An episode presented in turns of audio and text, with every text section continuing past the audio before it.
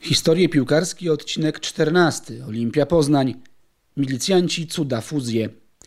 Tekst pochodzi z najnowszych skarbów miasta Poznań 2020, które kupicie w naszym sklepie na www.skarbymiasta.com i w salonach Bloch Optyk w Poznaniu. Pełna lista salonów znajduje się na stronie blochoptyk.pl.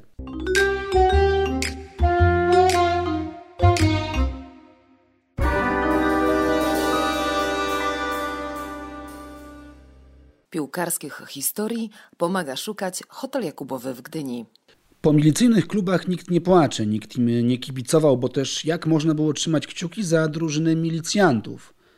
Nawet nielubiany w Warszawie Lech Poznań, gdy przyjeżdżał na Racławicką na mecz z Gwardią, mógł liczyć na przychylność miejscowych.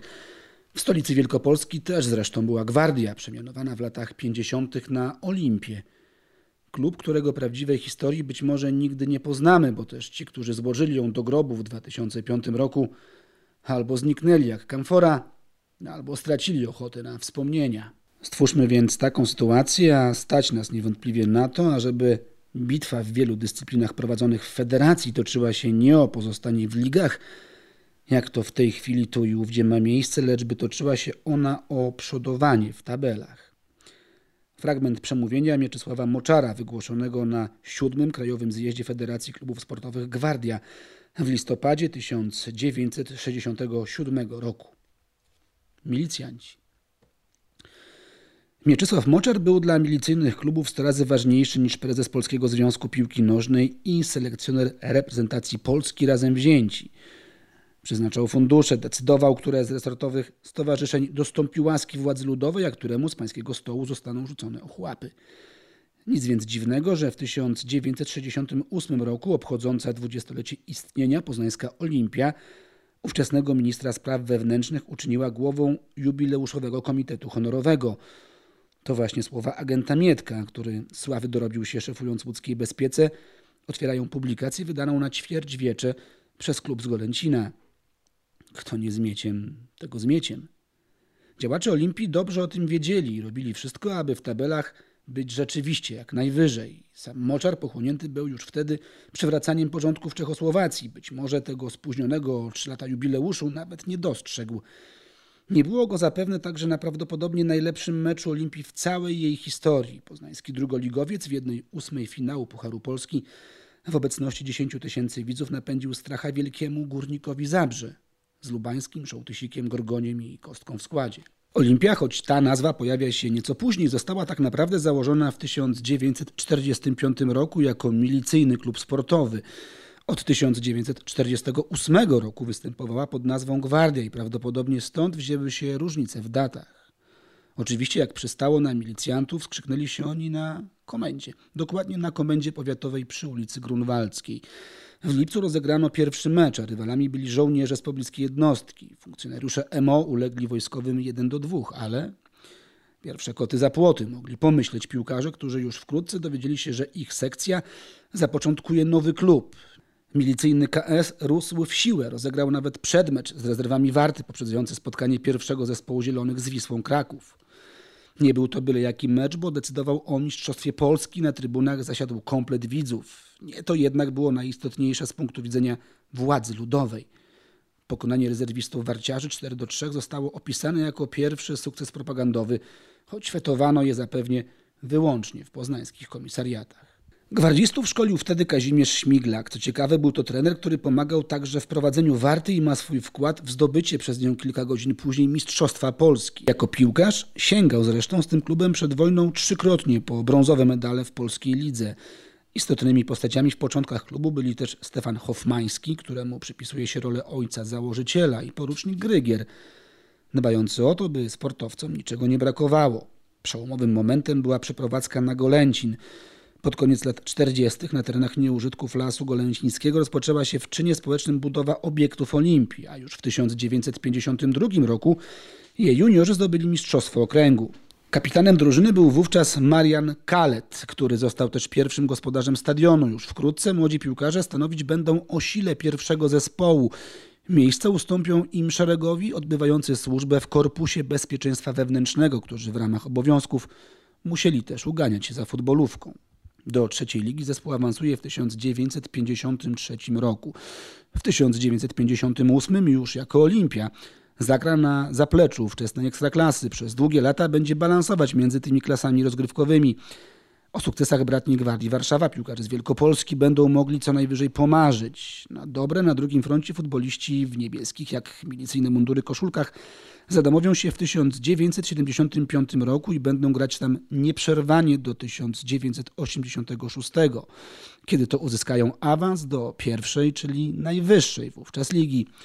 Tak rozpoczyna się najciekawszy rozdział w historii klubu. O Olimpii, do której po wprowadzeniu w Polsce stanu wojennego stracono jakąkolwiek sympatię, będzie się jednak mówić nie w taki sposób, jakiego życzyliby sobie mundurowi działacze.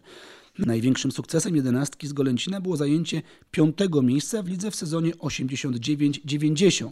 W wysokiej formie znajdował się wtedy bramkostrzelny Jerzy Kaziów. Ten grający w ataku podporucznik Służby Bezpieczeństwa zdobył dla swojej drużyny 9 goli. Z doskonałej strony pokazywali się Sławomir Suchomski, Jan Przybyło czy Andrzej Borówko.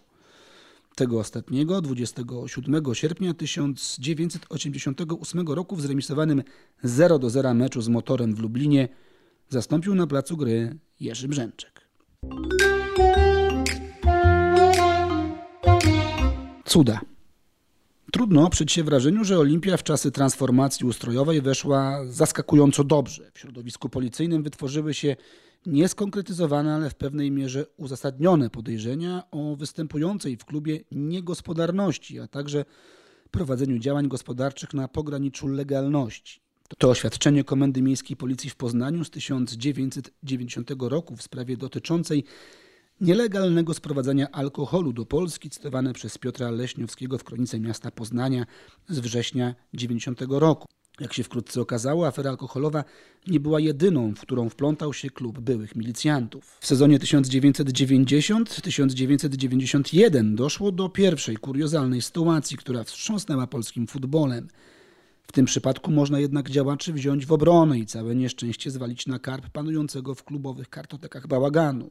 Otóż w półfinale Pucharu Polski poznaniacy nieoczekiwanie wyeliminowali Legię Warszawa. Jednak zwycięstwo 2 do 0 zostało zweryfikowane jako walkover dla rywali. W Olimpii wystąpił bowiem nieuprawniony do gry Andrzej Przerada. W taki sposób największa w historii szansa na zdobycie krajowego trofeum przeszła koło nosa. Dwa lata później Olimpia żegnała się z pierwszą ligą. W ostatniej kolejce spotkała się z walczącym o mistrzostwo ŁKS-em Łódź. O niedzieli cudów napisano i powiedziano już właściwie wszystko, co można było napisać i powiedzieć. Nie ma więc sensu odkrywać Ameryki na nowo, mieląc w kółko te same wypowiedzi. Choć ostatecznie nic nikomu nie udowodniono, to punkty zostały zabrane zwycięzcom, a wszystkie cztery zespoły ukarano. Być może, gdy któryś z piłkarzy lub trenerów Olimpii zechce po latach zabrać w tej sprawie głos i na światło dzienne wyjdą nowe fakty, na historii ekipy z Golęcina pojawią się kolejne skazy. Faktem jest, że Olimpia opuściła grono najlepszych drużyn, ale już po roku udało się jej do niego wrócić. Z nowymi pomysłami, którymi znów żyła cała Polska.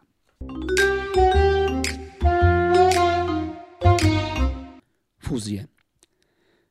Środek lat 90. był czasem, gdy w Polsce zdecydowanie częściej niż o przedstawicielach organów ścigania mówiono o gangsterach. Olimpia miała tę niesamowitą zdolność do adaptowania się do panujących warunków, że miejsca, które do niedawna zajmowali milicjanci z pałkami, zajęli znacznie bardziej fantazyjnie ubrani panowie, potrafiący równie skutecznie co poprzednicy walczyć o swoje. Bolesław Krzyżostaniak w świecie futbolu pojawił się w latach 80., ale obecnie jego dawna działalność bardziej interesuje dziennikarzy śledczych niż historyków sportu. 6 grudnia 2000 roku wieczorem Bolesław Krzyżostaniak wracał do domu swoim Lexusem. Trzykrotnie odebrał w tym czasie głuche telefony. Gdy pan Bolesław zaparkował przed domem i pochylił się, aby wyjąć z samochodu zakupiony tego dnia obraz, ktoś z tyłu odezwał się. Przepraszam, czy można na chwilę? Powoli, aby nie uszkodzić cennego nabytku, kierowca wyjął go na zewnątrz. Pilotem zamknął Lexusa i dopiero wtedy odwrócił się. Krok od niego stał młody mężczyzna. Nie usłyszał huku, więc sądził, że potraktowano go paralizatorem, ale to była broń z tłumikiem. Pistolet CZ typu Luger, kaliber 9 mm. Pocisk przeszedł poziomo przez oba uda, odbił się od samochodu i rykoszetem poszedł w ogródek, a gangster spokojnie skrył się w ciemnościach. Akcja została zaplanowana bezbłędnie, ale tylko na czas samego wykonania. Postrzelony biznesmen jeszcze w szpitalu odbierał telefony z groźbami. Jakiś mężczyzna z obcym akcentem przypomniał, że ma zwrócić Jacku 40 tysięcy zielonych. Fragment artykułu Alicji Basta, nieznany żołnierz Baraniny, Fokus, 30 sierpnia 2019 roku. Tym Jackiem, któremu szef Olimpii miał być winny pieniądze, był dziś już nieżyjący minister sportu Jacek Dębski. Jak wynika z informacji zgromadzonych przez dziennikarkę Fokusa, chodziło o pomoc w zatrzymaniu w klubie Mirosława Szymkowiaka, który trafił do Widzewa. PZPN przenosiny zaakceptował, a w odwróceniu niekorzystnego splotu zdarzeń miał pomóc właśnie Dębski. Skoro sprawy nie udało się załatwić tak, jak sobie tego życzył Krzysztostaniak, uznał on, że pieniądze za usługę po prostu się nie należą. Piłkarz został w Widzewie, zaś Olimpia podpadła w dodatku władzom związku, za co niedługo została srodze skarcona. No i zapłata. Jak czas pokazał, sporny dług został przejęty przez ludzi, którzy nie bawili się w negocjacje. Może warto w tym miejscu wspomnieć, że do dziś osoba działacza w środowisku piłkarskim zwanego Bolem znajduje się w kręgu zainteresowań funkcjonariuszy Centralnego Biura Antykorupcyjnego. W sezonie 94-95 Beniaminek z Wielkopolski zajął w lidze 12 miejsce. Nic specjalnego, ale udało się uniknąć degradacji i wynieść do Gdańska. Olimpia i Lechia doprowadziły do fuzji. Olimpia wniosła do tego mariażu miejsce w piłkarskiej elicie i kilku niezłych piłkarzy. Założyła koszulki Lechii i w taki sposób wsparta tysiącami kibiców, którzy zasiedli na stadionie przy ulicy Traugutta 29, ruszyła po ligowe punkty. Szybko jednak pojawiły się problemy. Choć ówczesne prawo piłkarskie zezwalało na fuzję klubów z różnych lig i dawało możliwość występowania w wyższej klasie, w rzeczywistości nie było już tak lekko, łatwo i przyjemnie. W 1995 roku nowy szef futbolowej centrali, Marian Dziurowicz, zdecydowanie potępił takie rozwiązania. Lechia Olimpia musiała liczyć na przychylność rywali, którzy mogli przyjechać na mecz tam, gdzie na nich czekano lub tam, gdzie czekały na nich punkty. W piątej kolejce sezonu 9-5-9-6 skorzystał z tego, co za niespodzianka. GKS Katowice zamiast do Gdańska pojechał do Poznania. Wygrał walkowerem. Podobna sytuacja powtórzyła się jeszcze tylko raz. Tym razem bez gry pełną pulę zainkasował Lech Poznań. Nowy twór spadł z ligi po sezonie. Gdyby nie walkowery, utrzymałby się w lidze kosztem pewnej śląskiej drużyny, za którą mocno trzymał kciuki Dziurowicz kolejnym z jego nazwy zniknęło już słowo Olimpia, ale nie powstrzymało to dalszej degrengolady. Lechi jedna fuzja nie wystarczyła, wkrótce dokonała kolejnej z Polonią Gdańsk. Z kolei Olimpia wróciła do siebie, ale w poważnym futbolu nie odgrywała już żadnej roli. Do 2005 roku błąkała się po niższych ligach, aż w 60. rocznicę powstania podjęto decyzję o jej rozwiązaniu.